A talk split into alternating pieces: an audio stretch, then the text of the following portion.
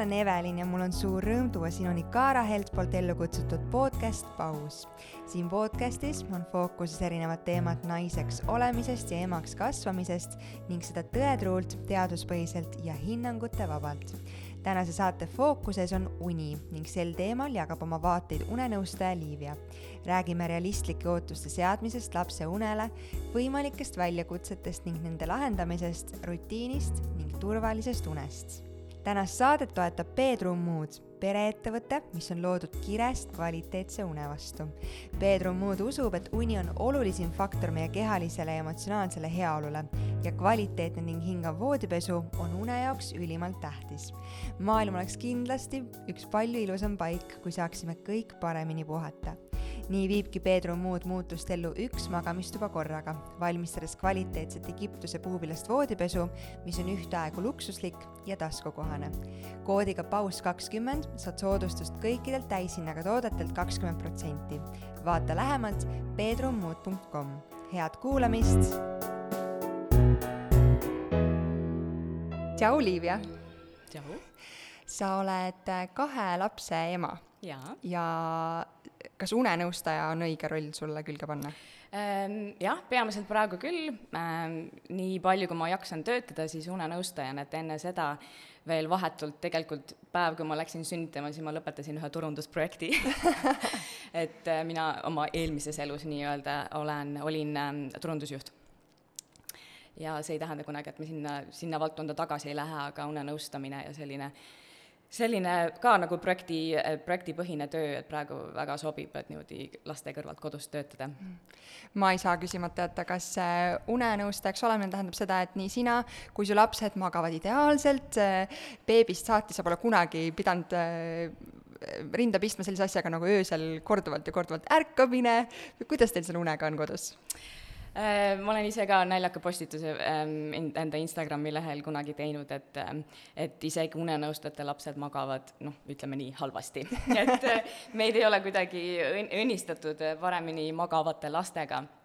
aga võib-olla eeliseks on lihtsalt see, et äh, just mis ma tunnen nende teise lapse unega, kes tõepoolest sattus meile siis natuke selline halvem magaja, ehk siis tihedam ärkaja siis äh, enda teadmised ähm, ja võib-olla ka see lihtsalt, et ma olen äh, te- äh,, mitte esmakordne ema, vaid et ma suutsin nagu noh, asjas normaalsust näha ja ja kuidagi nagu lihtsalt tiksuda temaga kui me täiega sellesse teemasse kohe sisse hüppame, siis noh, kõik teavad, et uni on oluline, aga sul on kindlasti mingid võtmeelemendid välja tuua, miks see uni meile oluline on, nii lastele kui täiskasvanutele. Mm? -hmm loogiline, äh, beebide puhul siis eriti on see arenguks vajalik, mm, aga siin tulebki, ja, ja ma noh, täiskasvanud unest ma ei hakka selles mõttes nagu süviti rääkima, äh, loomulik, et uni on vajalik, ähm, aga mis on beebide puhul, millega nagu on emad hästi, või noh, lapsevanemad, mitte vaid emad, on ära hirmutatud, et et ähm, kui beebi tihedalt ärkab, siis see on tema arengule justkui kahjulik.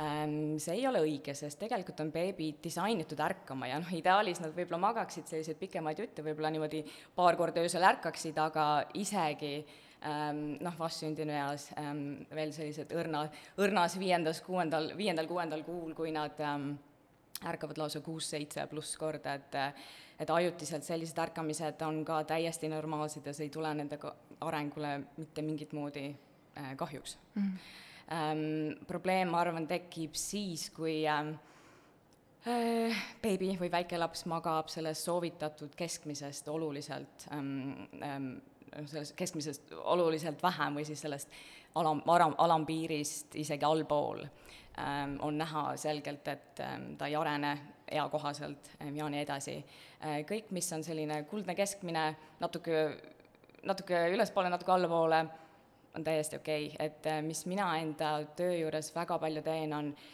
on äh, nagu une normaliseerimine, ehk siis beebi une normaliseerimine, öised ärkamised on ähm, äh, normaalsed äh,, lihtsalt tuleb kuhugi piir tõmmata, et äh, vaata mõne, see on, normaalne on suhteline mõiste, et mm -hmm.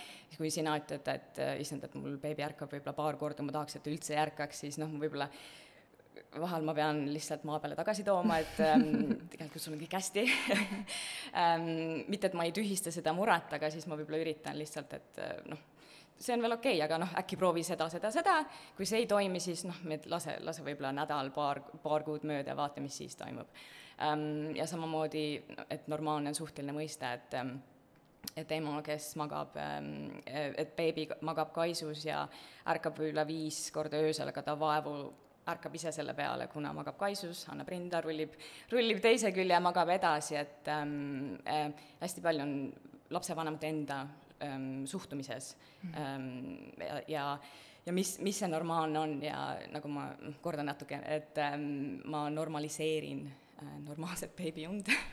Mul on tunne, et uni äh, on hästi, beebiuni on hästi selline teema, millel on äh, inimestel väga suured ootused ja siis kus nagu asi jamaks läheb, on see, et reaalsus on tihti ootustele hoopis risti vastupidine, et see võib olla nii mõlemat pidi, et äh, sa ootad, et äh, oled valmis selleks, et laps üldse ei maga ja siis tegelikult ta magab, nagu näiteks minu puhul oli, äh, või siis vas-, vastupidi, et sa noh, oled küll kuulnud, et beebid ärkavad palju ja oled selleks justkui valmis, aga reaalselt ei ole valmis selleks, et mm. kogu aeg peab öösel ärkama mm. -hmm. ootuste reaalsuste, ootustest reaalsustest ma tahan kohe rääkida, aga enne mm, -hmm kuidas sa üldse jõudsid unenõustamise ja uneteemadeni mm? -hmm. No tavaliselt unenõustajad räägivad seda, et neil oli halvasti magav laps ja siis nad said nad just, paremini just. magama ja siis ma tahtsin kõiki teisi emasid ka aidata ähm,. üldpildis nii see on ähm,, aga kuna tegelikult mu esimene laps, nüüd ma tagantjärgi mõtlen, et ähm, et ta oli supermagaja, mina ise, ma teen nalja, et ta, oli see ükssarvik beebi ja sul on vist ka see ükssarvik beebi või? mul on väga vedanud, jah. naudi seda teiega. mina suutsin kuidagi ikkagi, ma ei tea, igas asjas probleemi näha, ma olin hästi, natuke selline ärev ema, ma olin hästi palju üksi ähm,, me elasime veel siis Londonis ähm,, me kolisime Eestisse umbes ähm, natuke rohkem kui kolm aastat tagasi nüüd. ma olin hästi palju üksi ja mida rohkem sa lihtsalt üksi ja ainult oma beebiga aega veedad, siis seda rohkem sa suudad üle mõelda.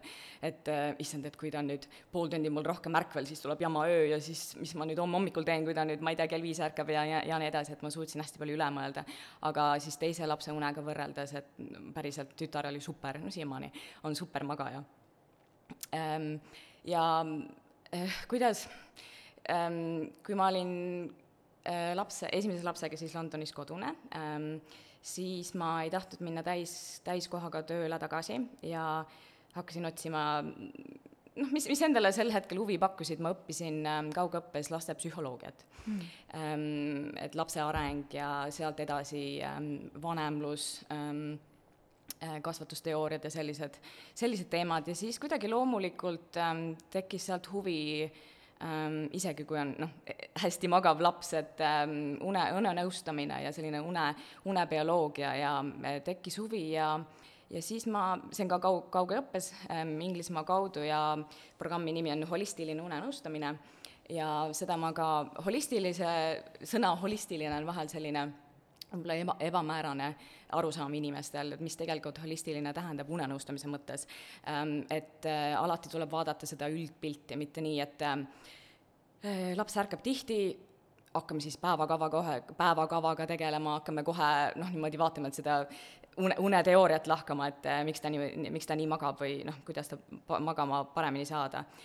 tegelikult hakkab see uuring natuke kaugemalt pihta, et vaadata kas või ema vaimset seisundit kas oli raske sünnitus, äh, kas emal esines või esineb ähm, depressiooni või ärevushäireid ähm,, siis äh, kõik, mis puudutab tervist ähm,, toitumist.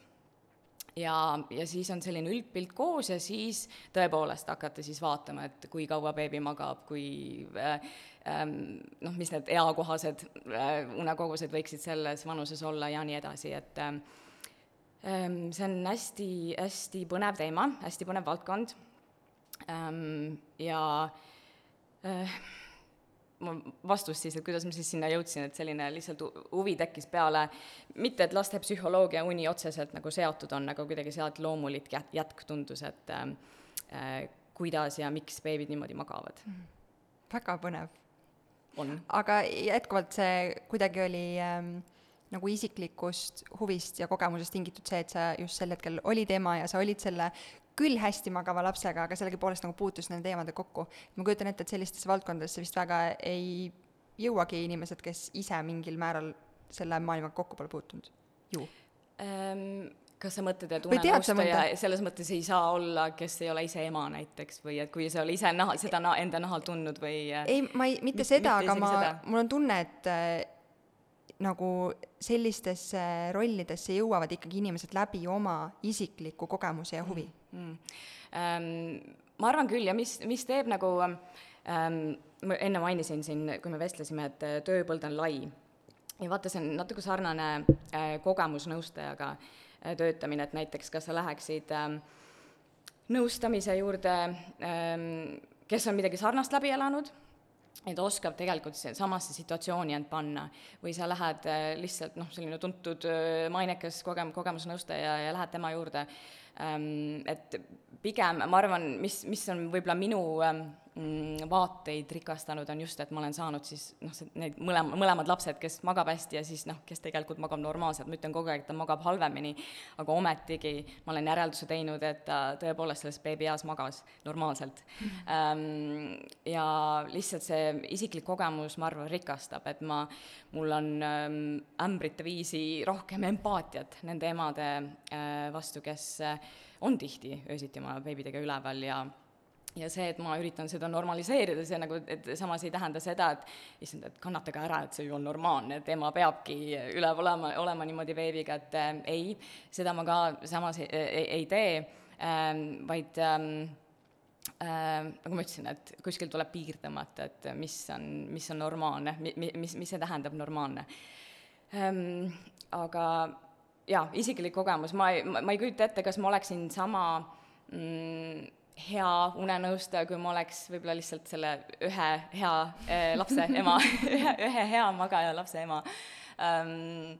ma ei tea sa tõid välja selle, et äh, holistiline unenõustamine võtab, püüab vaadata kogu seda tervikpilti, et mitte ei võta ainult ühte, ma ei tea, päevakava ei hakka osadeks võtma ja sealt mingeid järeldusi tegema, vaid seda, milline on ema vaimne tervis, kuidas mingid sünnituskogemust, nii edasi on ja nii ed- nii edasi on olnud mm. -hmm. üleüldiselt mitte ainult ume, unega, kuna sa oled ema, siis ma usun, et ma saan seda sult küsida.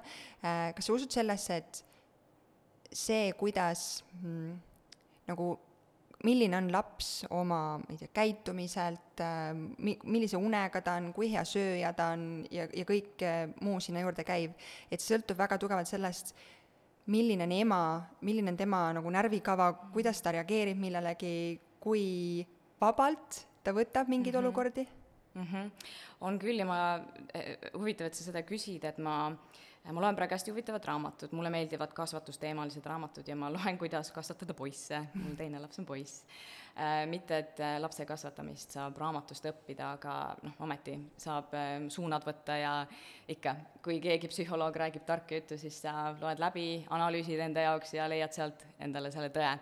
ja oli väga huvitav uuring, mis tema ähm, esile tõi, et kui on ema, kes siis mis tahel, mis, mis tahes põhjusel on noh, tavaliselt depressioon, kui ta ei luua beebieast alates ähm, luua tugevat sidet ähm,, kiindu-, kiindumussuhet oma beebiga, siis ähm, ähm, sellel, sellel väikelapsel tuleb kõik natuke raskemalt äh,. ma räägin, see on see, need ähm, arenguetapid ja, ja kui, kui ema suudab depressioonist umbes selle aasta aega välja tulla sellest äh, beebieast ähm, ähm, edasi, siis äh, tegelikult kõik laabub, aga kui ema jääb selliseks kuidagi nagu ähm, distantsi hoidvaks või ähm, kõ- kõigil ei tule see ema roll kuidagi loomulikult ja mõnel ikka läheb päris mitu kuud aega, et issand, ma olen nüüd ema ja kõik on noh, päevast päeva see kakskümmend neli seitse nüüd tegeled temaga ähm,. et äh, ema vaimne tervis absoluutselt, kuidas ta kui, kui armastavalt ta oma äh, beebi eest hoolitseb äh,, ma ei tea,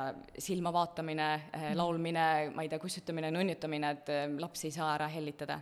et selline hästi armastav ja hoolitsev ema ähm, on ähm, lapse tervislikule arengule hästi oluline see põhjus, miks ma selle teema või küsimuse tõstatasin, on see, et ma olen inimesena selline, et mul on alati vaja teada, miks. ma nagu tahan alati teada põhjuseid.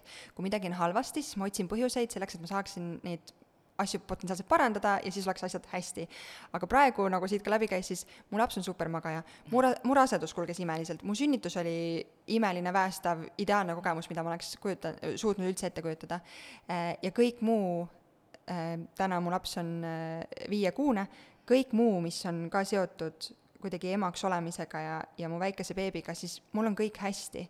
ja, aga see paneb mind samamoodi, otsin põhjuseid, miks, aga miks mul on kõik hästi mm. -hmm. ja ma olen lihtsalt leidnud enda jaoks äh,, ma arvan, et selle põhjuse, et ma ise, ma püüan mitte muretseda, ma võtan nagu ma olen võtnud selle suhtumise, et ma saan hakkama ja kõikidele nagu, et isegi kui ma tegelen probleemiga siis, kui see probleem tuleb, et kui mu laps magab hästi, äh, siis ma mäletan, et mu perearst ütles esimese hooga, kui ta kuulis, et mu kahekuune laps juba sel hetkel magas terve öö, ta ei ärkanud ka söömiseks üles, siis äh, mu perearstil tõusid juuksed peast püsti ta ütles, et ei, aga te peate oma lapse öösel üles äratama, sest muidu teil, jaa, et mitte ainult laps ei pea sööma, vaid teil kaob piim rindadest ära. Mm.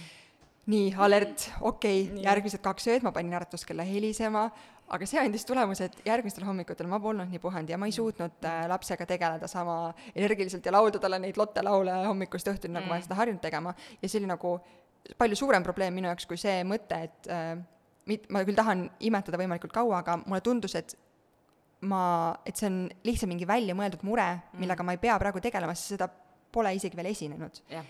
et äh, ja kõik kõik asjad, mis on seotud kuidagi täna mu beebi ja emaks olemisega, et äh, ma lihtsalt tahaks arvata, et see on hästi palju enda suhtumise küsimus ähm,. kas piim kadus ära? ei no. kõik on hästi äh, vaata siis pigem muretseks, kui on vastsündinu, no kahekuune on ka veel vastsündinu, et see esimesed noh, neljas trimester, esimesed äh, kolm kuud, et kui on kaaluprobleem, et siis tõepoolest, et selline äh, unine beebi ei ole alati hea märk ja eriti siis, noh, tuleb alati kaalu ka jälgida ähm,.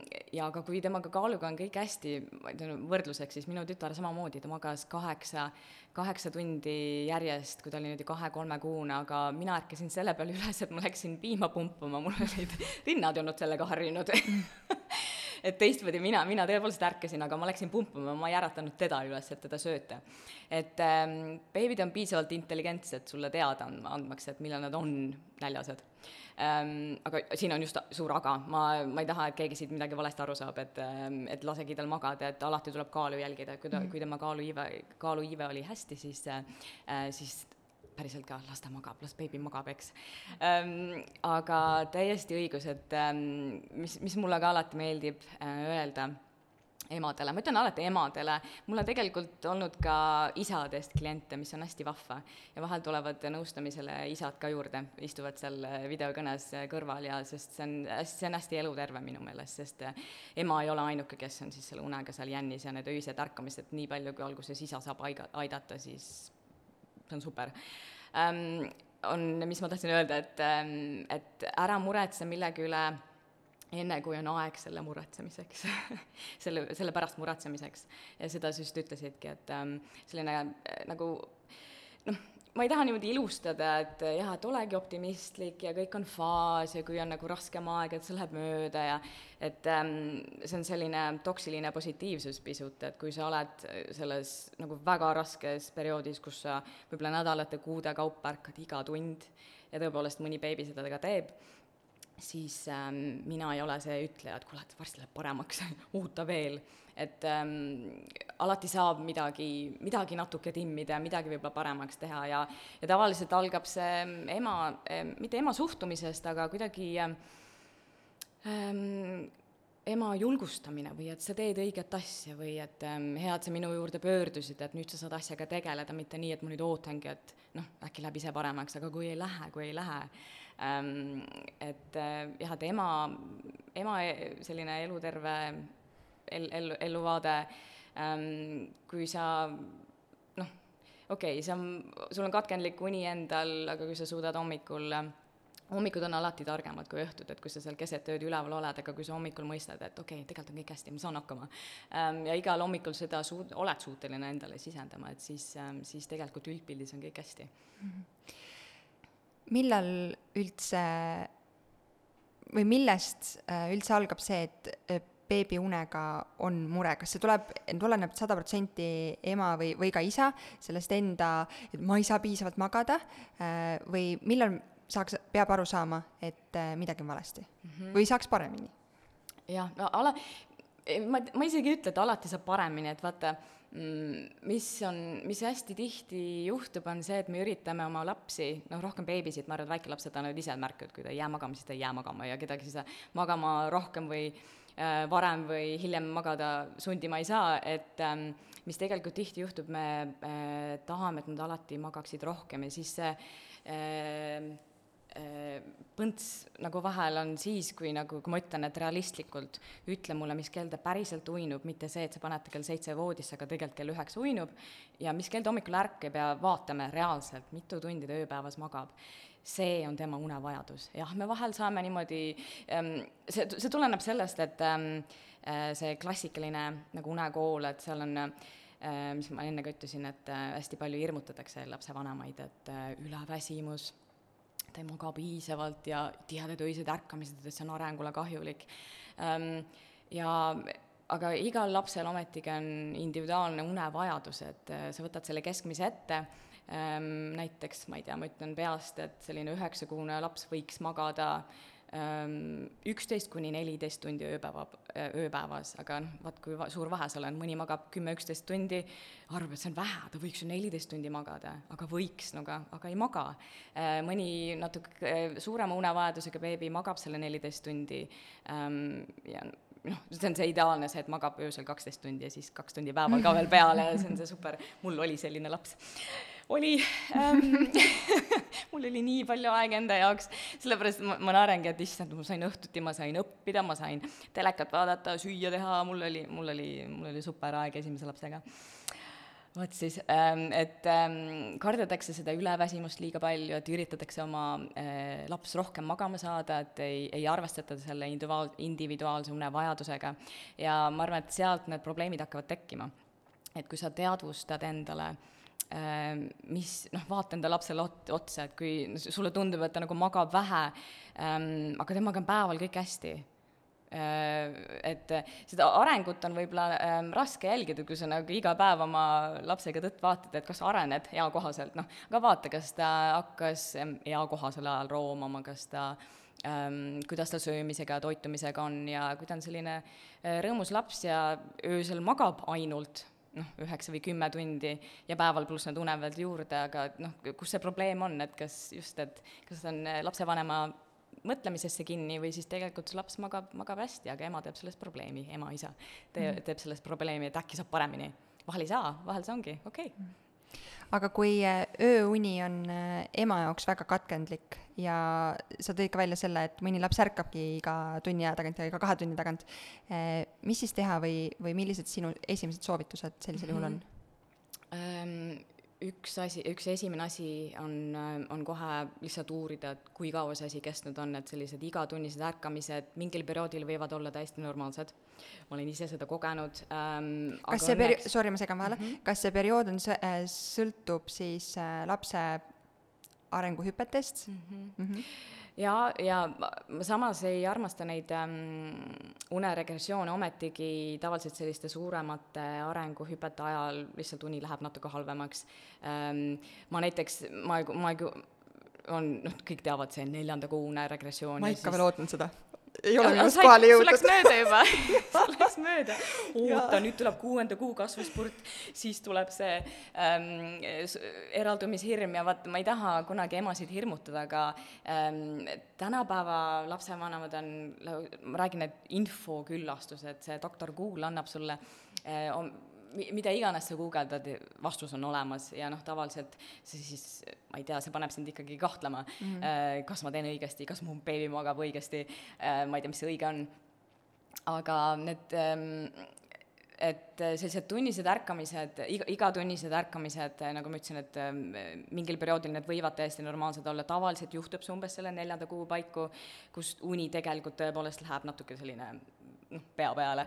et kui nad, kui nad enne magasid ainult ähm, kas kerges või sügavas unes, mm, siis nüüd ähm, umbes neljandal kuul tekib neil tegelikult neli unetsüklit, mis on sama nagu mis meil mm. -hmm. nagu täiskasvanutel ja miks nad siis virguvad, et nad ei, ähm, nad ei oska neid unetsükleid ühendada, siin ma mainin, viskan kohe siia vahele ühe killu teile, et äh, unetsüklite ühendamist ei saa õpetada, võime sellest pärast rääkida, kui sa tahad.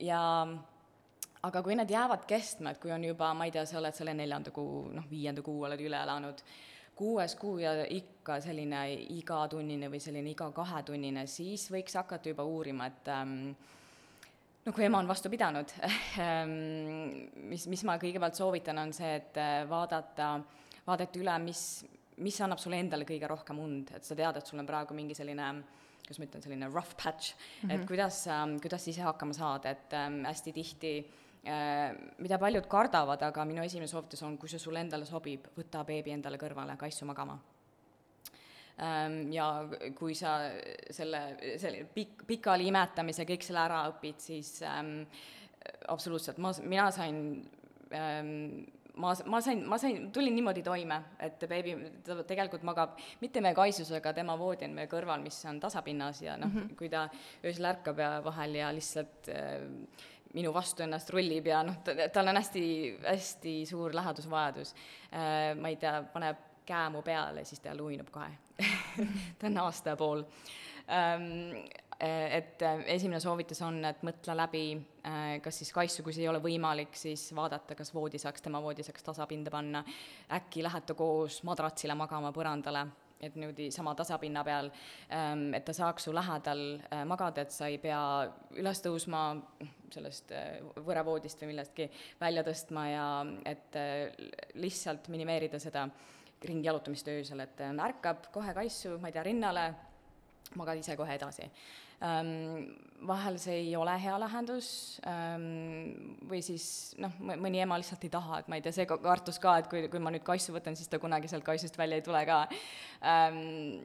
tuleb ikka et seda ei tohiks karta, see on, see on, see on see, mis ma just ütlesin, et, et ära muretse millegi üle, kuniks ei ole vaja selle üle muretseda. Et ja kui see iseenesest need tihedad ärkamised ei ole üle läinud, siis äh, esimene asi ikkagi on kontrollida seda tervise poolt, et äh, siis tavaliselt kas kuue kuu paiku tehakse see verepaneel ja kõik, küll D-vitamiin, äh, raud, mis siis kõik üle vaadatakse ja mm, suure tõenäosusega on ena-, enamikul beebidel noh, kuuenda, miks kuuenda paiku tehakse, sest ähm, no miks siis lisatoiduga alustatakse, et see raud võib olla äh, ähm, raua ähm,, et või, või nagu peaks rauda juurde lisama dieedile ähm,.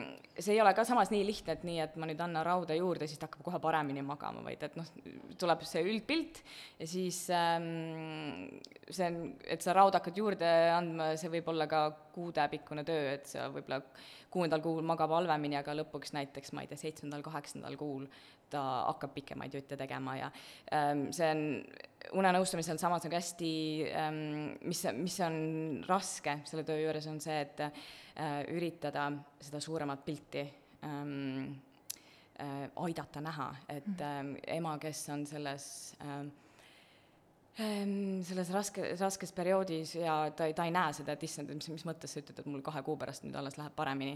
mis ma enda kogemusest räägin, et tegelikult reaalselt hakkas me poiss pikemini, pikem, pikemaid jutte magama alles, kui ta oli võib-olla kümnekuune ma sinna vahele viskas ka paremaid öid, ma ei taha rääkida, et ma olen iga, et ma ei olegi, kümme kuud ma ei saanud rohkem magada kui kaks tundi.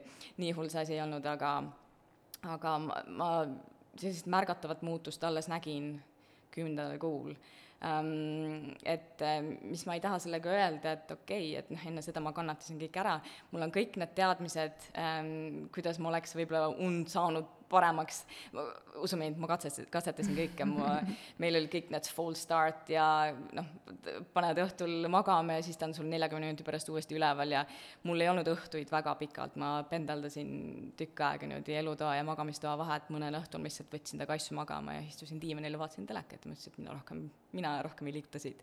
las ta vähemalt magamus üles, et ähm, ähm, oli raske periood, aga lõpuks, kui, kui tervisega on kõik hästi, siis iga beebi lõpuks hakkab paremini magama.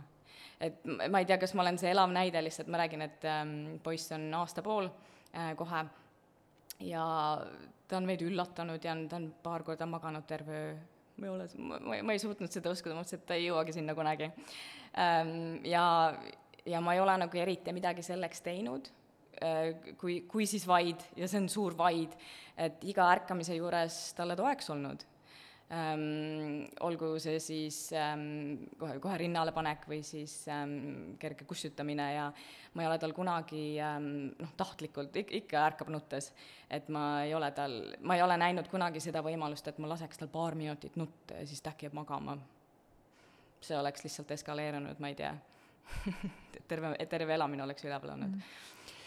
Kuidas seada beebiunele realistlikke ootusi enne veel, kui beebi on sündinud? Ehm, võib-olla mm, teha sellist kerget lugemist. Ja internet ei ole selleks hea koht. Ähm, aga ma võin anda raamatusoovitusi, äkki kui see, kui see podcast kunagi tuleb, siis ma äh, saan sulle paar autorit. Ja, ähm, ja on üks hästi ähm,, hästi tore raamat, mis on ähm, mis seletab just, mis, mis, mis see normaalne uni on ja mida ma hästi palju ka oma töös teen ja ma pole si-, sinnamaani veel jõudnud, ma tahan enda äh, unekursuse kirjutada just, just sellel teemal, et, et lapseootel ema, äh, lapsevanem saaks ennast natuke rohkem äh, kurssi viia. Ja tegelikult ma olen isegi paar nõustumist siin Cara Healthi kaudu teinud juba lapseootel emadega. Ähm, et ähm, milleks nad võiksid valmis olla ja mitte üldse nagu, et issand, et sa ei saagi magada nüüd enam kui sul laps sünnib, äh, vaid et äh, just, sul võib sattuda beebi, kes, ma ei tea, magabki kogu aeg ja vajab väga väikest, äh, vähest abi sinu, ähm, abi sinu poolt, et uuesti uinuda. aga kui ei, siis samas see, mis sa, mis sa kõik teed, see, kuidas seda unne tagasi aitad, imetamine, need on kõik noh, bioloogiliselt normaalne viis lapsele aidata uinuda, et ähm, ära võitle nagu millegi vastu, et näiteks ähm, ära jäta last rinnal magama, mis mõttes nagu, see rinnapiim sisaldab melatoniini. jumal tänatud, ma ei olnud seda asja, et, äh, et laps ei tohiks justkui jääda mm. rinna magama, lugenud enne, sellepärast et algusest no, peale on minul beebi jäänud rinna peal magama aga ja aga ma tean ka väga paljusid, kes ähm, ja see on just äh, see toredate allikate lugemine Äh, internetist, et, ähm, et äh, ära, noh, ma ei tea, siis ma kujutan ette, temal jääb laps rinnal magama ja siis ma ei tea, ta nagu äratab ta üles selleks, et panna ta siis voodisse, et ta harjuks seal iseseisvalt voodis, voodis uinuma. Ähm, sa lihtsalt teed karuteene, ma arvan, et ähm, beebil tekib võib-olla selline imelik seos, et issand, et ma ei saa, mul ei lasta rinnal magama jääda, mis tundub nagu kõige loomulikum mm -hmm. äh, viis uinumiseks ähm,. et äh, hästi imelikke soovitusi on, mis tegelikult käib täiesti bioloogiale vastu. -hmm. Ähm, ma, või vaata hästi palju see, kuidas meie millised vanemad me oleme ja ma arvan, sest ka nagu beebieas juba hästi väiksed detailid tulevad mängu sellest, kuidas me oleme näinud näiteks meie väikeseid õdesid-vendi äh,, kuidas meie vanemad on nendega toimetanud äh, või äh, kuidas meie vanemad üldse on käitunud ja nagu meie kodust juba tuleb siis meie uude perre nii-öelda väga palju elemente kaasa, ma usun sellesse. ja ma arvan, et see põhjus, miks ma üldse nendel teemadel kuidagi enne lapse sündi ei muretsenud või ei osanud mõelda, et ma ei tea, rinna peal magama jäämine oleks -hmm. vale või see, et beebi et ma tõstan juba magava beebi enda voodisse, et see oleks kuidagi vale, oli see, et ma nägin alati oma ema seda tegemas minu väikese õe ja vennaga.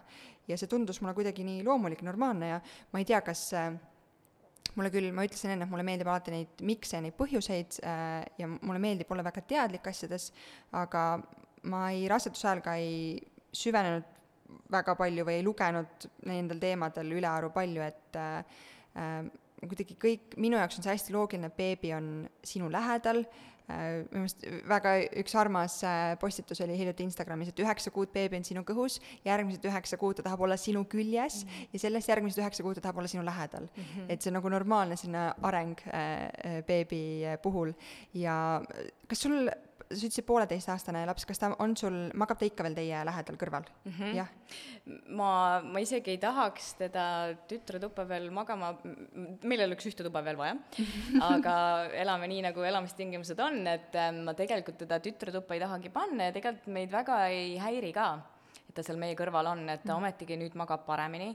Ähm, mees on mul hästi ähm, mm, kuidas ma ütlen, noh, mõistlik olnud, äh, võib-olla on ta on natuke teisest kultuuriruumist, ta on, ta on küll inglane, aga ta on ähm, ka natuke Aasia päritolu, ta ema on ähm,, äh, mis pidi on hiina-malaisalane, äh, nii, igal juhul Hiina-malaisalane ähm,, ja mis, kus on hästi hästi tavaline, et äh, lapsed lausa kooliealiseni magavad ähm, tavaliselt emaga, mitte siis isaga, et aga mõnel on selline hästi lai suur vood ja tema ühel pool, isa teisel pool ja siis lapsed keskel.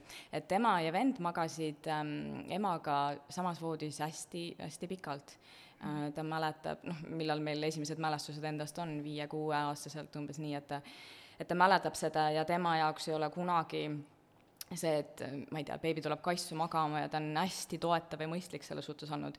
Äh,, on ka nõustamise ajal tulnud ette, et ähm, mis ja mis, mis tähendab ka, mis on holistiline nõustamine, et tegelikult äh, tuleb vaadata äh, mitte, et ma ei tegele ainult ema ja lapsega, vaid et isa tuleb ka sinna pilti tuua ja teised lapsed lausa vahel. et mis teie magamiskorraldus on, kas kõigil teile see sobib, näiteks tihti äh, isad ei taha, et noh, ma tahan enda voodis magada, mis mõttes sa mind aastaks ajaks diivani peale nüüd äh, pressid ja siis sina beebi magate seal oma meie abieluvoodis või et äh, sellist suhtumist on hästi palju ja, ja, ja samas ei ole mina see, kes ütleb, et ei, et ähm, las olla, beebi magab seal, kuidagi tuleb selline komp-, kompromiss leida ähm,. aga ma ei tea, kas siis jah, et see teistsugune kultuuriruum või et ähm, mees on hästi toetav ja mõistlik olnud ja et see, et ta meie kõrval seal magab ja kõik me saame magatud aga nüüd... kust, kust tulevad üldse need äh, valed äh, ootused või, või see, kas või seesama seisukoht, et äh, laps peaks magama algusest peale oma toas, oma voodis, et miks, miks seda aetakse taga või kust see tuleb mm? -hmm.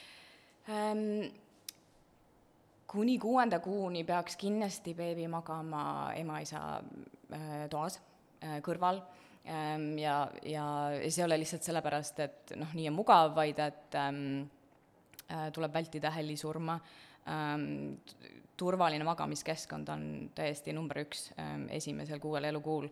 Ähm, mõni peale kuuendat, ma ei tea, meie lükkasime seitsmekuuse tütre oma teise tuppa magama, noh, ta magas terve öö.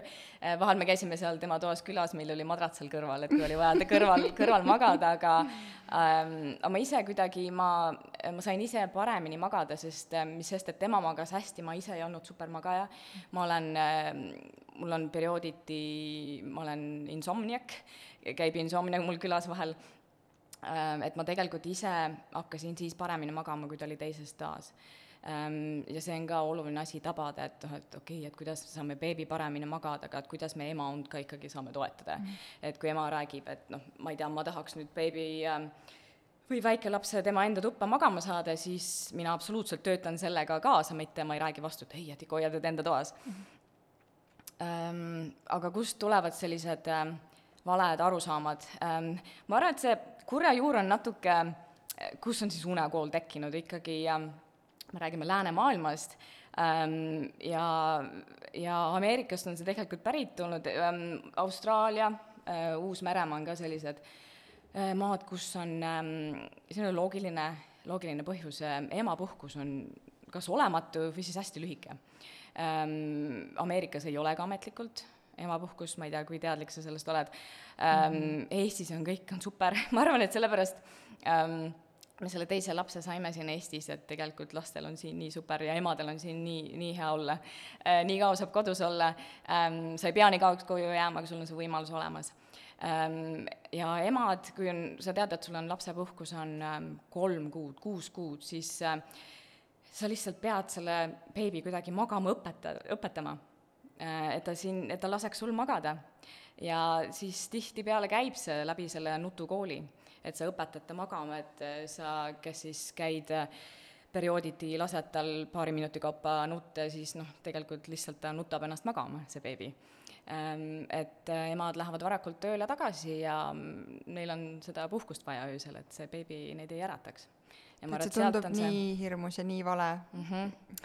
aga ma sellel, sellest, sellel, ähm, kuidas ma ütlen, unekooli ähm, lähenemisest ma eriti väga rääkida ei taha, ma lihtsalt ütlen juurde, et mina seda ei poolda, aga kui, kui ema on selleni viidud, et ta seda siiski oma lapse peal või beebi peal on teinud, siis ähm, ma, ma ei saa seda kritiseerida, sest mm. ma ei tea tema seda äh,, ta käitus sel, sel moel, mis tema jaoks tundus, mis on noh, tema või siis beebi jaoks parim mm. -hmm. Ähm, ja siis noh, suure tõenäosusega see laps hakkab paremini magama, et ta ei signaliseeri oma, oma vanemate järgi öösel, aga siin on lihtsalt noh, et küsimärk, et mis, mis, mille äh, mis hinnaga see on siis nagu saavutatud sa tõid sisse turvalise unekeskkonna.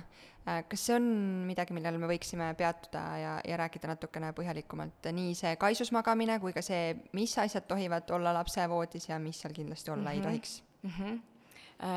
Mina, kuna ma õppisin Inglismaa programmi, siis ma lähtun, tegelikult on see rahvusvaheline, see on väikesed eri, erisused ähm,, aga on, on selline klassika, et äh, kõva madrats laps selili magama, ei tohiks olla ühtegi lahtist eset, isegi need äh, voodipehmendused, et niipea, kui beebi hakkab äh, natuke seal keerama ennast ja natuke muutub liikuvamaks, mitte lihtsalt, et paned selili ta seal noh, paned nii maha ja hommikul ta nii ka ärkab.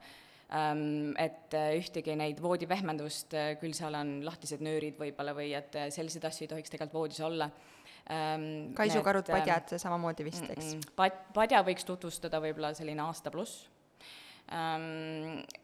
tekk ähm, pigem ei, äh, magamiskotid on super leiutis minu arust ähm,. mõnel lapsel ei sobi, aga, aga siis ka selline mm, ma ei tea, tekk, mis laseb läbi hingata, et siis pigem nagu paksemini, paksemalt riidesse panna, aga mitte selline paks tekk talle peale, et ta mhm. võib selle näo peale tõmmata ähm,. mis ma veel ütlesin, jah, et selili magama ähm,. kui kaisus magamine tegelikult ei käi selles mõttes, mis on võib-olla osati vale, et ähm, turvaline magamiskeskkond, et ähm, kaisus magamine on turvaline ka ainult siis, kui on täidetud teatud kriteeriumid, kus on äh, ema ei suitseta, ei tarbi alkoholi, sama siis isaga.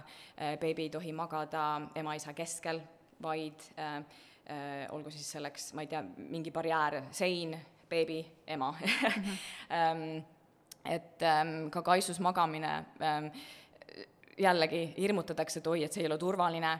Ähm,, pigem rääkida, kuidas see turvaliseks teha, sest ometi isegi kui öeldakse, et see ei ole turvaline, siis mingil hetkel ma arvan, et vist, ma ei tea, kõik emad on lõpuks beebid kassu ma-, äh, kassu magama võtnud, kui noh, sa ei ole, ma ei tea, juba ma ei tea, neljandat-viiendat korda sa juba võtad teda sealt voodist üles ja siis sa lõpuks jätad ta kassu magama ähm,. ja, ja minu arust on natuke parem äh, rääkida, kuidas seda turvaliselt teha, kui öelda, et ei, et ära seda tee. sest mis ma näiteks ähm,, miks ei võiks ähm, haiglates olla rohkem selliseid laiemaid voodid emadele, et näiteks ma olin ähm, haiglas oma poisiga, kui ta oli kaheksakuune, siis ma äh,, me magasime koos, selles mõttes, et ta oli minu kaisus ja siis ma äh, ma lasin selle võrevoodi, selle metallist koleda võrevoodi sealt oma palatist välja kärutada, sest ähm, ta magas mul kaisus, meil oli kitsas, aga aga nii me magasime, nii magas tema paremini ja, magas, sain ka mina magada, magada sest äh, see ei olnud nagu õige moment talle siis mingisugust unekooli teha, et nii, et sa nüüd magad minust eraldi, et -hmm. et äh, just, et koos, koos magamine või siis bed sharing, et selli-, sellist asja saab ka turvaliselt teha. aga sellised aspektid nagu ähm, äh, lapse asetamine endast veidi kõrgemale, et tema pea oleks veidi kõrgemale, et ma saan endale teki peale panna nii, et see tal ei oleks peal et kui ta sul kaisus magab. Ähm, võiks äh,, jah, see tegelikult ei tohiks seda enda tekki ähm, temale peale tõmmata, kui siis pigem võib-olla puusast allapoole mm, -hmm. ähm, aga siis, mis soovitatakse, et äh, ema, et sina ise ka paned natuke soojemini, soojemini riidesse, vaata, ähm, et sa ei tõmba selle teki endale kurguni mm -hmm. äh, keset ööd, vaid et sa ise ka, ma ei tea, soo-, soojem pidžaama selga, et sul oleks seda tekki natuke vähem vaja, et sa võib-olla nagu kergelt või ise nagu puusast allapoole mm -hmm. natuke katad ennast Ähm, et sellised huvitavad aspektid, kõik nagu kriteeriumid, mis tuleks täita ja vaadata ja et kas teie kodus ja magamiskeskkonnas see sobib teile mm.. mul üks asi tuli veel meelde, mis äh, äh, ma ei tea, kas võib-olla ei ole piisavalt tähelepanu saanud, aga ma lihtsalt ise hakkasin mõtlema selle peale, et kui emal on pikad juuksed, siis need peaks kinni panema, kui beebi kaisus on. see on ähm,, ei tule selle pealegi ähm,, beebidele äh, võib, äh, ta võib oma selle pika juukse näpu, äh, kuidas ma ütlen, nagu näpu, näpu ümber, näpu ümber täiesti keerata või varba külge ja see on päris hull asi mm. -hmm. ma olen pilte näinud, see ei ole kunagi juhtunud, ma, endal on pea, juuksed on krunnis kogu aeg, aga äh, jaa, see on reaalnoht tead samamoodi, kui ma saan podcast'i tulla lindistamas, ma teen juuksed lahti, see on selline naiselik tunne kohe ma ka, ma, mul on alati kõnn peas, täielik selline mambann on kogu aeg ja mul on juuksed praegu lahti, nii hea, nii hea tunne on. ilmselt väga paljud emad samastuvad selle mambanniga äh, sa rääkisid, äh, magamiskotti tõid välja, tähendab mm, -hmm. aga populaarne on ka beebi mähkimine mm. -hmm küll aga ma tean, minu beebi üldse ei sallinud seda mm, -hmm. aga see vist ühel hetkel tuleb ära lõpetada. lõpetada. Ehm, jaa, alati tasub katsetada, tegelikult ehm, e-, enamikule, enamikele ikkagi sobib see selline nagu ähm, vaata, nad on nii käkrus ja mm -hmm. seal kokku pigistatud ema-isas, et ähm, tegelikult selline ähm, käte äh, või selline tunne tekitab neis turvalisust, mõni on natuke selline rohkem rähkleja ja kisub selle äh, ähm, kisub enda käed sealt välja äh,, meile sattus ka niimoodi, et esimene laps, tal, ta oli ideaalselt neli esimest kuud ta magas äh, kokkumähit-, kokkumähitult mm, -hmm. see kõlab nii naljakalt ähm,. ja ma usun, et võib-olla sellepärast magas ta ka paremini ähm,, aga poiss, tal alati tulid seal kuskil, ma ei tea, käed välja ja kuidagi tundus, et ei sobinud ja siis me äh, panime ta lihtsalt magamiskotti magama, aga äh, kinni mähkimine tuleks lõpetada umbes niimoodi, ma, vanus ei ole oluline, iga beebi on erinev, umbes siis, kui ta suudab ennast ähm, äh, keerata kõhuli. Okay.. sest tal on vaja vabadust, et ähm, kui ta keerab, siis ta, ta ei ole niimoodi kõhuli, et tal on käed kinni. Mm. -hmm kui sa saate alguses tutvustasid natuke ennast ja teie pere, siis sa ütlesid, et su teine laps ei olnud nii hea magaja. Äh, kas päriselt on ka siis nagu nii-öelda halvasti magavad lapsed? või see ikkagi sõltub väga palju sellest keskkonnast, kõikidest muudest teguritest kodus mm. ja peres mm.?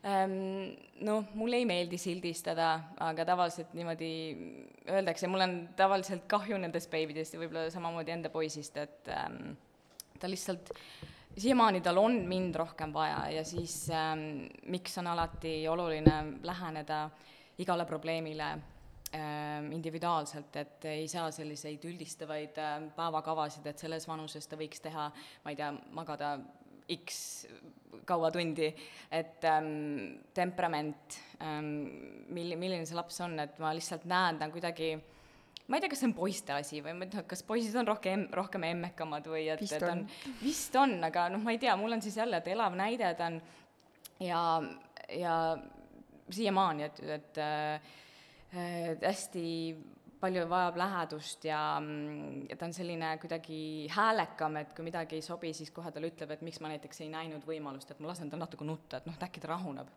see oli nullist, ma ei tea, kümneni, nullist sajani või kuidas öeldakse, et see, kuidas see oleks eskaleerunud, et äh, tema puhul ma tõepoolest ei, ei oleks seda näinud äh,. tütrega sama, samas ma võrdlen, et äh, kui ta oli rahulik, ma võisin see noh, poolärkval teda voodisse panna, ta tegelikult päriselt ka ise uinus, ta, tema oli see self-soother, et mis mõttes ta ise pani ennast magama ta tegi seda, neid beebisid on olemas ähm,. aga, aga lihtsalt teine temperament, siiamaani ma vaatan, nad ei, nad on nagu kuu, öö ja päev, noh mm -hmm., kuu või päike, et nad on nii erinevad ähm,. sellepärast unenõustajana ongi oluline tabada see Äh, mul on näiteks uneküsimustikus on olemas täiesti küsimus, et kirjelda oma last, et ähm, milline iseloom, milline ta temperament on. Ähm,, kuidas ta kohaneb muutustega, kas ähm,, kas ähm, noh, just ma ka mainisin, et mõni on rohkem sellist lähed-, lähedust rohkem vajav äh,, mõni on rohkem selline noh ähm,, ei vaja seda kussutamist, kõigutamist, et jäta mind rahule, pane mind voodisse, ma jään ise magama. Ähm, et tuleb äh, ära tabada see ja lihtsalt äh, läheneda äh, probleemile individuaalselt kas sul on veel mingisuguseid soovitusi selle osas, kuidas see, noh, fakt on see, et, et see on normaalne, et beebid ärkavad öösiti, et kuidas vanemate jaoks öine elu ja melu natukene lihtsamaks teha? no sa tõid välja, et beebi võiks ja peaks magama lähedal, vähemalt esimesed kuus kuud, eks. Ähm, ma ei tea, kas äh, ülesannete jaotus, et äh, vajadusel isa viib äh, või vahetab mähkud beebil ära või et, või üldse näiteks mähk, mähkimisasjad on kuskil voodi kõrval kohe olemas, et sa ei pea panema tulesid põlema ja minema teise ruumi või millised mingid mm -hmm. praktilised soovitused sul on mm? -hmm. Ähm, absoluutselt, sa juba ütlesid seda ähm, isa igasse protsessi kaasata, et näiteks mul on palju on unenõustamisse mm, sattunud murega, et äh, isa ei saa last magama ja, ja see ei ole nagu üldse halvaga mõeldud, et mis, mis sa siis oled teinud kogu selle aja, et kus see isa on, mis, kas ta üldse beebiga aega veedab, aga siin te, tegelikult täiesti arusaadav põhjus, et näiteks ähm, ema äh,, beebi jääb rinnal magama ja noh, isa nagu üldse sekku sellesse magamis mm., maga, magama mineku protsessi. aga, aga sünnist saati ometigi isa saab lapsega tegeleda, et okei okay,, et kui moment, et äh, magama minek on rinnal ja nii see toimib ja seda ei ole ka vaja lõhkuda, aga aga kõik magama mineku rutiinid ähm,, seda isa aega rohkem suurendada. ja, ja täie-, ma arvan, et äh, lõpuks ometi ühiskonnas on see, see muutus toimunud, et äh, isad on ka kogu aeg beebidega, et äh, isad käivad see on ähm, nii tore, see on nii tore. ma, ma siin, siin, siin on silma jäänud, et äh, et kui on näiteks äh, mähkmeid vaja vahetada, siis ostukeskuses on sul, ongi sul beebituba mm, -hmm. aga näiteks, et Inglismaal, kui me käisime hästi palju äh,, me tõesti käisime palju küll restoranides, pubides oma tütrega ja ja beebi see mähkmevahetus, noh, see laud on ainult naiste WC-s mm. -hmm Äh, ja siis mu mees vahel, kui ta mulle aega andis, et äh, ole sina üksi, et ma viin, äh, ma lähen beebiga jalutama, et siis ta tegi seda vankris või ma ei tea, mismoodi sellele lahendas, et ma ei tea, kas isa, isad ei vaheta mähkmeid avalikus kohas või tundub nii. et seal ei sai silma küll, et kuidagi Eestis on see paremini natuke lahendatud, et et on, on ette nähtud beebi, beebitoad hästi paljudes mm -hmm. kohtades ma just ähm,, kusjuures ma äh, nüüd, me oleme palju käinud ringi ja, ja spaas ja ujumas, siis äh, tegelikult paneb kukalt kratsima küll, sa tõid välja, et on palju neid äh, beebitubasid ja, ja neid spetsiaalseid ruume mm -hmm. ostukeskustes ja mujal, aga sa ei näe neid asju või puudujääke ühiskonnas enne, kui sa ise ei ole selles olukorras. näiteks tegelikult see, et väga-väga äh, palju ähm, lapsesõbralikes kohvikutes või siis nagu nii-öelda lapsesõbralikes kohvikutes ei ole WC-s eraldi mähkimis äh, siis alust, küll me oleme pidanud seda potikaane mm -hmm. peal tegema, põrandal, kus on nii räpane ja must, nüüd yeah. ma olen ausalt öeldes alla andnud, ma lihtsalt, kui me oleme restoranis, ma lükkan kaks restoranitooli omavahel yeah. kokku ja panen sinna peale. ja, ja mm -hmm. nagu mul isegi ei ole enam piinlik nende kõrval einastavate inimeste yeah. nagu ees, sellepärast et see on elu ja see, kui seda yeah. ei võimaldata inimestele, on nagu tea, noh, me kõik käime vetsus, aga mm -hmm. beebid tahavad samamoodi mm -hmm. oma protseduure tehtud saada, on ju. jaa, et kui ma räägin, et Inglismaal ei olnud, ma räägin Londonist küll, aga ma usun, et see on vist ülejäänud Inglismaal ka, et et kui pubides ja restoranides on enamjaolt olid need naiste WC-des, siis Eestis tore küll, et vaata, ostukeskustes on need olemas, aga siin tegelikult ei ole isegi naiste WC-des ena-, enamikes kohtades on siis need kohvikud, aga see ei ütle, mis on mhm. tegelikult mõeldud, et nad on lastesõbralikud, aga nad vist mõ-, mõtlevad nende all pigem neid väikelapsi, beebid ei käi väljas ometigi pubides ema-isaga mm, -hmm. ei ole beebide koht ju. või samamoodi ähm, nagu mul on tunne, ma tegin et... nalja, beebid tulevad igale poole kaasa, ma räägin, et me käisime tütrega, ta oli meil igal pool kaasas, meil oli, ta oli kahe päeva vanune, kui me läksime esimest jalutuskäiku tegema, seda äh vankrit äh, katsetama ja siis me läksime pubisse või siis äh, ma ei tea, kas beebid isadega ei käi ujumas või, sellepärast et meeste mm. riietusruumis spaas ei ole mähkimisaluseid. no üleskutse, isad teevad ometigi kõike, et siis nad peavad olema kuskil leidlikud, et äh, autos hiljem, ma ei tea, kuskil tagaistmel küll jah, jah, leidlikkusel ei ole piire, et küll saab siis toolidel ja põrandal teha. lihtsalt äh, beebivahetus või noh, see mähkmekotti panna äh,, see kaasaskantav või lahti volgitav, see matt, ma, matt, eks mm. -hmm sest ei ole muud võimalust ähm,. Aga tagasi tulla su küsimuste juurde, et mis, mis need praktilised nõuanded, et ähm, kuidas ähm,, okei okay,, et beebi ärkab öösiti tihti, aga millised realistlikud ootused selles mõttes, et ähm, võib-olla esialgu tõepoolest, tee see tervisekontroll talle ära, kui ta on pikalt ärganud iga või paari tunni tagant ja ometigi sa näed, et tegelikult on ta on täiesti terve, tal ei ole midagi viga, sa oled mingi, vereproovid kõik oled äh, ära teinud, ta ähm, tegelikult uinub ilusti ähm,, ta ei ole üleväsinud, see üleväsimus on natuke ülediagnoositud, aga ähm, ta uinub sul kenasti, aga ometigi ta ikka öösiti ärkab ja ja kui sa oled mõnes mõttes nagu mingiks perioodiks sellega rahu teinud, siis ähm, just mõtle läbi, mismoodi sa ise rohkem und saad, et kas siis selleks on, et sa võtad ta enda kassu magama ähm, ja küsid abi rohkem äh,, lihtsalt äh, vahel aitab see ähm, äh, sellest, kui sa hästi madalad lootused lood, et noh, kui, kui, kui tuleb parem, siis noh, tore ähm,. Äh, et ähm, mitte, et ma ei, ma ei ütle, et ole pessimistlik, vaid et ähm, noh, kas sa oled realistlik või pessimistlik, see on, vahel on selline, ma, ma ise, ma, ma ütlen, et ma olen selline realist, aga vahel ma olen pigem selline kaldun, et ma olen natuke selline pessimist, ma ei ole selline kohutav optimistlik op,, optimistlik eluviisi, eluviisiga, et ma pigem olen selline, vaatan, et noh, mis võib kõige halvasti minna, kui läheb paremini, jee ma olen pigem selline. Um, ja absoluutselt lase ennast aidata, äh, ma äh, esimese lapsega Londonis mul kedagi, mul tugivõrg, tugi, tugivõrgustik pere näol oli null.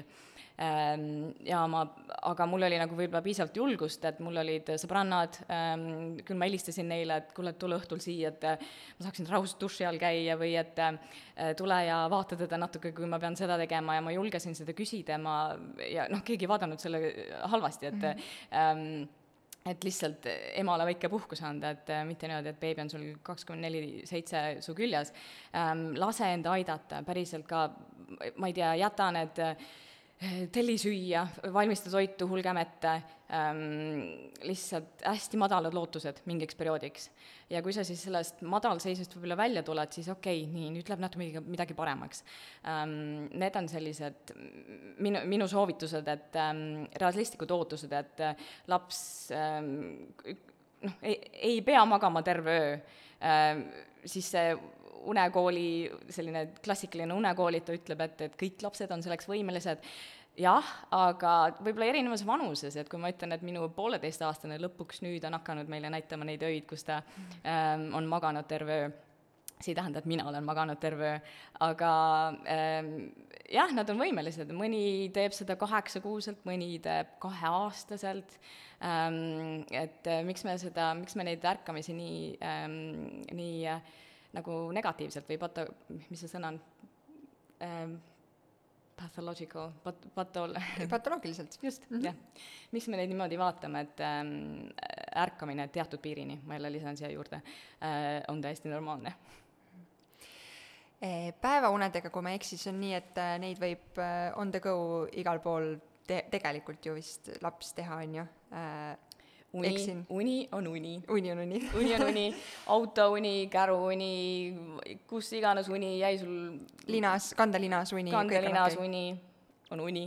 aga öösel vist, eh, ma arvan, et vanematel on ka täitsa mõnus, kui beebi magab eh, kodus ja, ja voodis mõnusasti. Eh, on sul õhturutiini osas mingisuguseid mõtteid või soovitusi, kust seda alustada või kuidas seda niiviisi teha, et ma ei tea, kas on, beebi saab aru mingi rutiini ajendil, et siis on õhtu käes ja nüüd on aeg justkui pikemasse ööunne minna mm? -hmm. Ähm, ei ole olemas sellist klassikalist või siis äh, nagu, et ähm, mis on see parim une, unerutiin, vaid äh, jällegi, et mis äh,, mis lapsele sobib ähm,. oluline on siis leida, mis, mis siis sinu lapsele sobib, et näiteks ei pea alati olema, et on vann, siis on mingi, et tudukombe selga, mõnele lapsele ähm, toimib vann just pigem stimuleerivalt äh,. ma ise tabasin selle enda poisiga ära, et ma teen tal päeval vanni, pesta on vaja, siis ma ei tee seda õhtuvanni, et ta kuidagi läks seal väga pöördesse, mis oli väga armas ja lahe, aga ma kuidagi mingil hetkel sain aru, et nagu äh, see uinumine võtab tavaliselt kauem aega, kui ta on selle õhtuvanni teinud et leia see, äh, mis noh, mis teie jaoks äh, ja siis su beebi jaoks sobib, see rutiin. mis, äh, mis on oluline, on see, et sa teed neid tegevusi, mis need, mis iganes need siis on, väike beebimassaaž õhtuti, et see, et sa teed neid alati samas järjekorras. Ja näiteks hakkab isa neid siis tegema ähm,, siis ta teeb neid samu asju samas järjekorras, need on need ähm, uneseosed, et tõepoolest on mingisugused signaalid äh,, mis annavad märku talle, et nii, et uni hakkab saabuma. Mm. Äh, mitte see ei tähenda, et äh, paar tundi enne uinumist on, ma ei tea, tuled kustu ja kõik me nüüd sosistame, et nüüd sul hakkab, paari tunni pärast hakkab sul uneaeg, et ei, et selline äh, võib-olla äh, tund nelikümmend minutit enne, sa tuurid maha äh,, selline vaikne muusika, jah, et tuled kustu. Ähm,, mis ma ütlen siia vahele, et äh, ma esimese lapsega sa saad kõike seda teha te,, teise lapsega või siis kolmanda, neljanda lapsega, sul on teised lapsed ka majas. Et mul on vahele tunne, et mul teine laps ei saa vist kunagi teadma saama, mis on see rahulik unerutiin, et ma ei tea, mm. küll nad seal kargavad koos ringi ja siis on lõpuks nii, et nii, sina nüüd ole vait, noorem läheb magama. Sina nüüd vaata multikat nii kaua, kui ma panen väiksema magama, et äh, tihtipeale ta läheb niimoodi magama, et ää, kargame ja siis nii, tuli kustu ja siis, aga ta õnneks, ta, ta uinub kiiresti, see ei ole kunagi probleem olnud ähm,. aga et ära tabada äh, enda lapse pealt, et mis need sobivad te tegevused võiksid olla ja siis just, et need, äh, mis on rutiini puhul oluline, et on need ähm,, see ei pea olema, ma ei tea, kümme tegevust, aga mingid konkreetsed tegevused, et äh, noh, just, et ähm, maga, magamiskoti selga panek, et valge müra tuled kustu, mingi konkreetne unelaul, ümisemine ähm,, et äh, võib-olla ja see ei ole see, et isa peab sama laulu laulma, kindlasti isad leiavad oma moodused, et ma arvan, et isale, isadele tuleb rohkem äh, võimalust anda, nad ometigi saavad ka lapsed ju mingit moodi magama. kindlasti on tulnud ette, ma ei tea, emad on kuhugi pidanud ära minema äh, ja beebi, kes on uinunud äh, alati rinnal, nad ometigi, isad saavad kuidagi hakkama, ma, ma, ma naeran, et mul mees norskas lapse magama kunagi. no siin ka valge müra, ei ole ju midagi halvasti, vist kustus enne ära ja siis ma vaatan, näe, magavadki. Tead, ma tunnen seda enda pealt ka, et me vist lihtsalt peame rohkem isasid usaldama ka, väga raske on, kui sa oled harjunud seda tegema kõike, väga raske on nagu anda seda kohustust üle, aga me kõik lapsevanemad ja saame, saame hakkama, leiame oma viisid ja moodused selleks, et usaldus on lihtsalt oluline. see on ka nagu retsept läbipõlemiseks, ma arvan, et kui sa ähm, ma saan aru sellest, et vaata, kõik on, sa tunned, et kõike on vaja kontrollida ja näiteks kui ähm, äh, esimese lapsega ma, meil oli just, et tugivõrgustikku ja pere ei olnud, aga meil oli lapsehoidja vahel, et siis ma äh, pidin päevaks näiteks tööle minema ja siis mul oli terve niimoodi terve lehekülg üles kirjutatud, et millal ta magab, millal ta sööb täpselt, siis on snäkk, siis on see, et noh, selline hästi suur kontrollivajadus ja ja pärast siis ma pidin üle küsima, et kas ta jäi see kell magama ja kas ta tõusis see kell, et siis ma teaks, millal ta õhtul magama läheb, et selline nagu isegi praegu sellest rääkides nagu tuleb kerge ärevus, et kuidagi ma natuke pingutasin üle et ta magas hästi, mu tütar, aga ma ise suutsin selle üle pingutada, et just, et see on see, see on see valem läbipõlemiseks, et, ähm, et lase aidata, isad on olemas, nad on võimekad, nad saavad lapsed magama. loodetavasti, saavad ikka, muidugi saavad.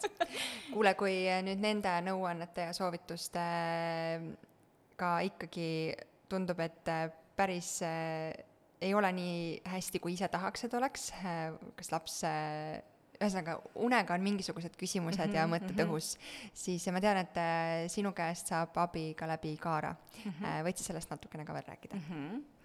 Um, minuga saab äh, mul on sellised erinevad teenusepaketid, kus ma äh, kõigepealt pakun tasuta tutvumiskõne ja mis on minu lähenemisel hästi oluline, et ma pean kõigepealt kuulama selle mure, mure ära ja siis selles mõttes nagu enda peas otsustama, et kas see on päriselt mitte väärt et ma sellega tegelen, vaid et äh, vahel on nii, et oi, et neljakuune laps, et ärkab iga kahe tunni tagant, siis ma ütlen, et tead, et see, äkki sul paari nädala pärast seda muret ei ole, see tegelikult, ma arvan, et sa usun, usun, et see läheb üle. et just, et see tutvumiskõne, et äh, kõigepealt räägi, räägi äh, kõik südame, südamelt ja mm, ma otsustan, et kas ja kuidas ma tegelikult saan sind päriselt aidata. Äh, kui jah, kui ma nagu näen, et siin võiks midagi olla, kuidas ma saan abiks olla, siis vahel piisab täiesti sellisest ühetunnisest kõnest, kus me räägime üksipulgi läbi ähm,, äh, ma annan soovitusi ähm, ja selle paketi raames on ka umbes kas siis nädala või paari pärast on äh, selline väike follow-up äh, kõne, et kuidas läks, äh, kui on midagi hullemaks läinud, et siis veel edasi, siis ma saan veel nõustamist veel juurde pakkuda.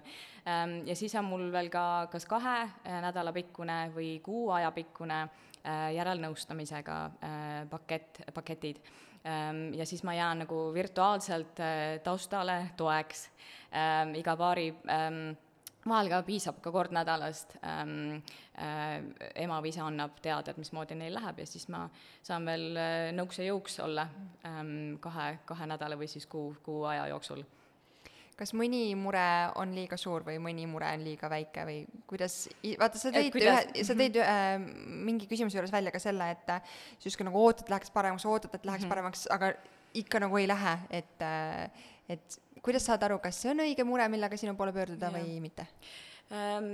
Kuidas ema seda kirjeldab, vahel ma suudan ema lausa nagu maha rahustada, et ei, et ja vahel mul ei ole kahju selle viieteist minuti ähm, tutvumiskõne jooksul anda paar nõuannet, mitte nii, et issand, et ma nüüd oma, annan selle, see on see, mis ma peaksin raha küsima selle eest, ei, et äh, vahel lihtsalt näen, et nagu ei ole seal, noh, see on selles mõttes nagu ma töötan väikese poisi kõrvalt kodus äh,. vahel ma lausa, ma tunnen, et ma ei saa seda tundi seal, meil ei ole praegu lapsehoidjat ega midagi, et ma ise pean ka vaatama, kuidas see nagu minu päeva sisse sobib, et kas ma panen selle tunnise kõne endale sinna ploki, et et ma teen selle kõne, et vahel ma tõepoolest äh, annan sellist paar nõuannet, et proovi nii, kui ikka on jama, siis anna märku ja me teeme selle nõustamise äh,. mitte se-, selles, noh, vaata see on, ma, ma peaks, võib-olla see on natuke naljakas ja vale lähenemine, et no ometigi ma peaks ju raha sellist, sellise asja eest küsima, et minu nõuanded ja kogu see abi, aga ähm, ma ei tea, ma teen, ma teen asja nii ja ma tahan, ma tahan oma tööd teha niimoodi, et võib-olla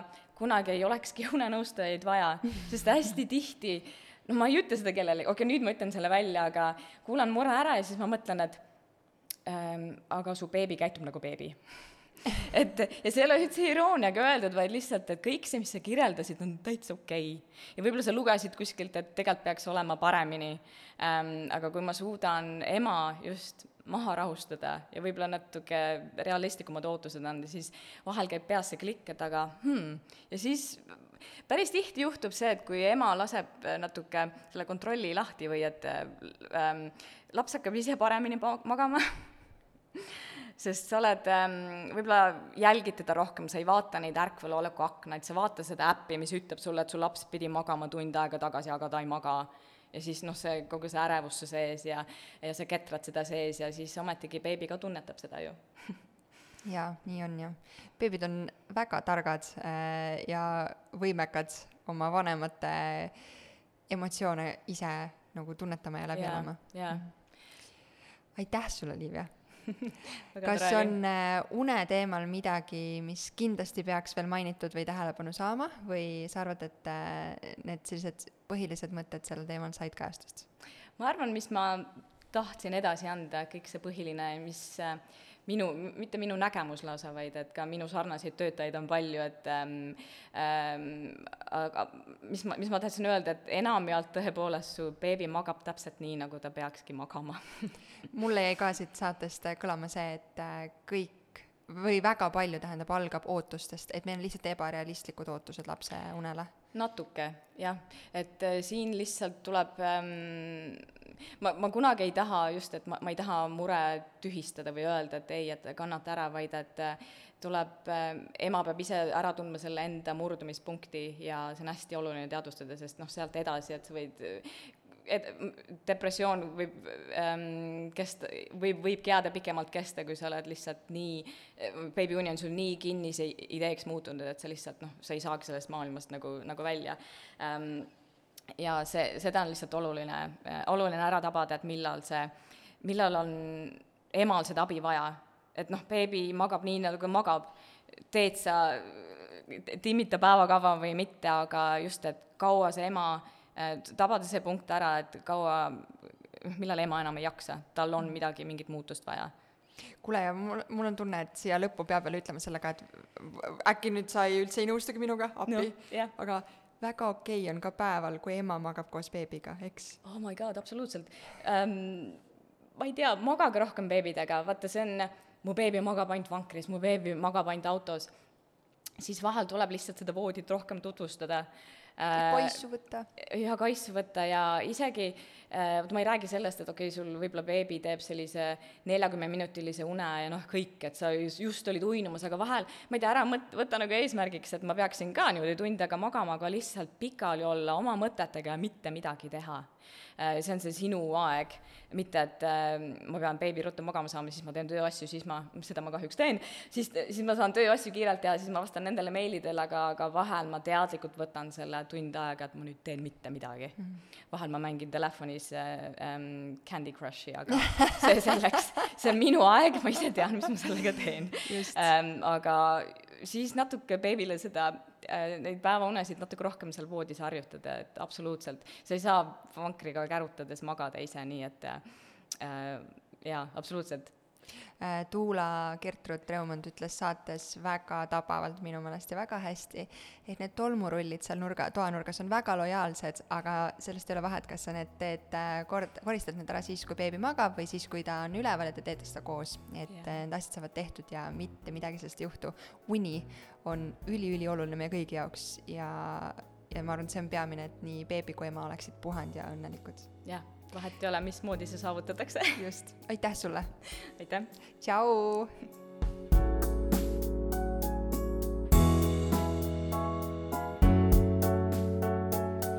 saate toob sinuni Kaara, naiste tervise ja heaolu edendaja rasedus- ning emadusperioodil. vaata lähemalt kaarahelts.io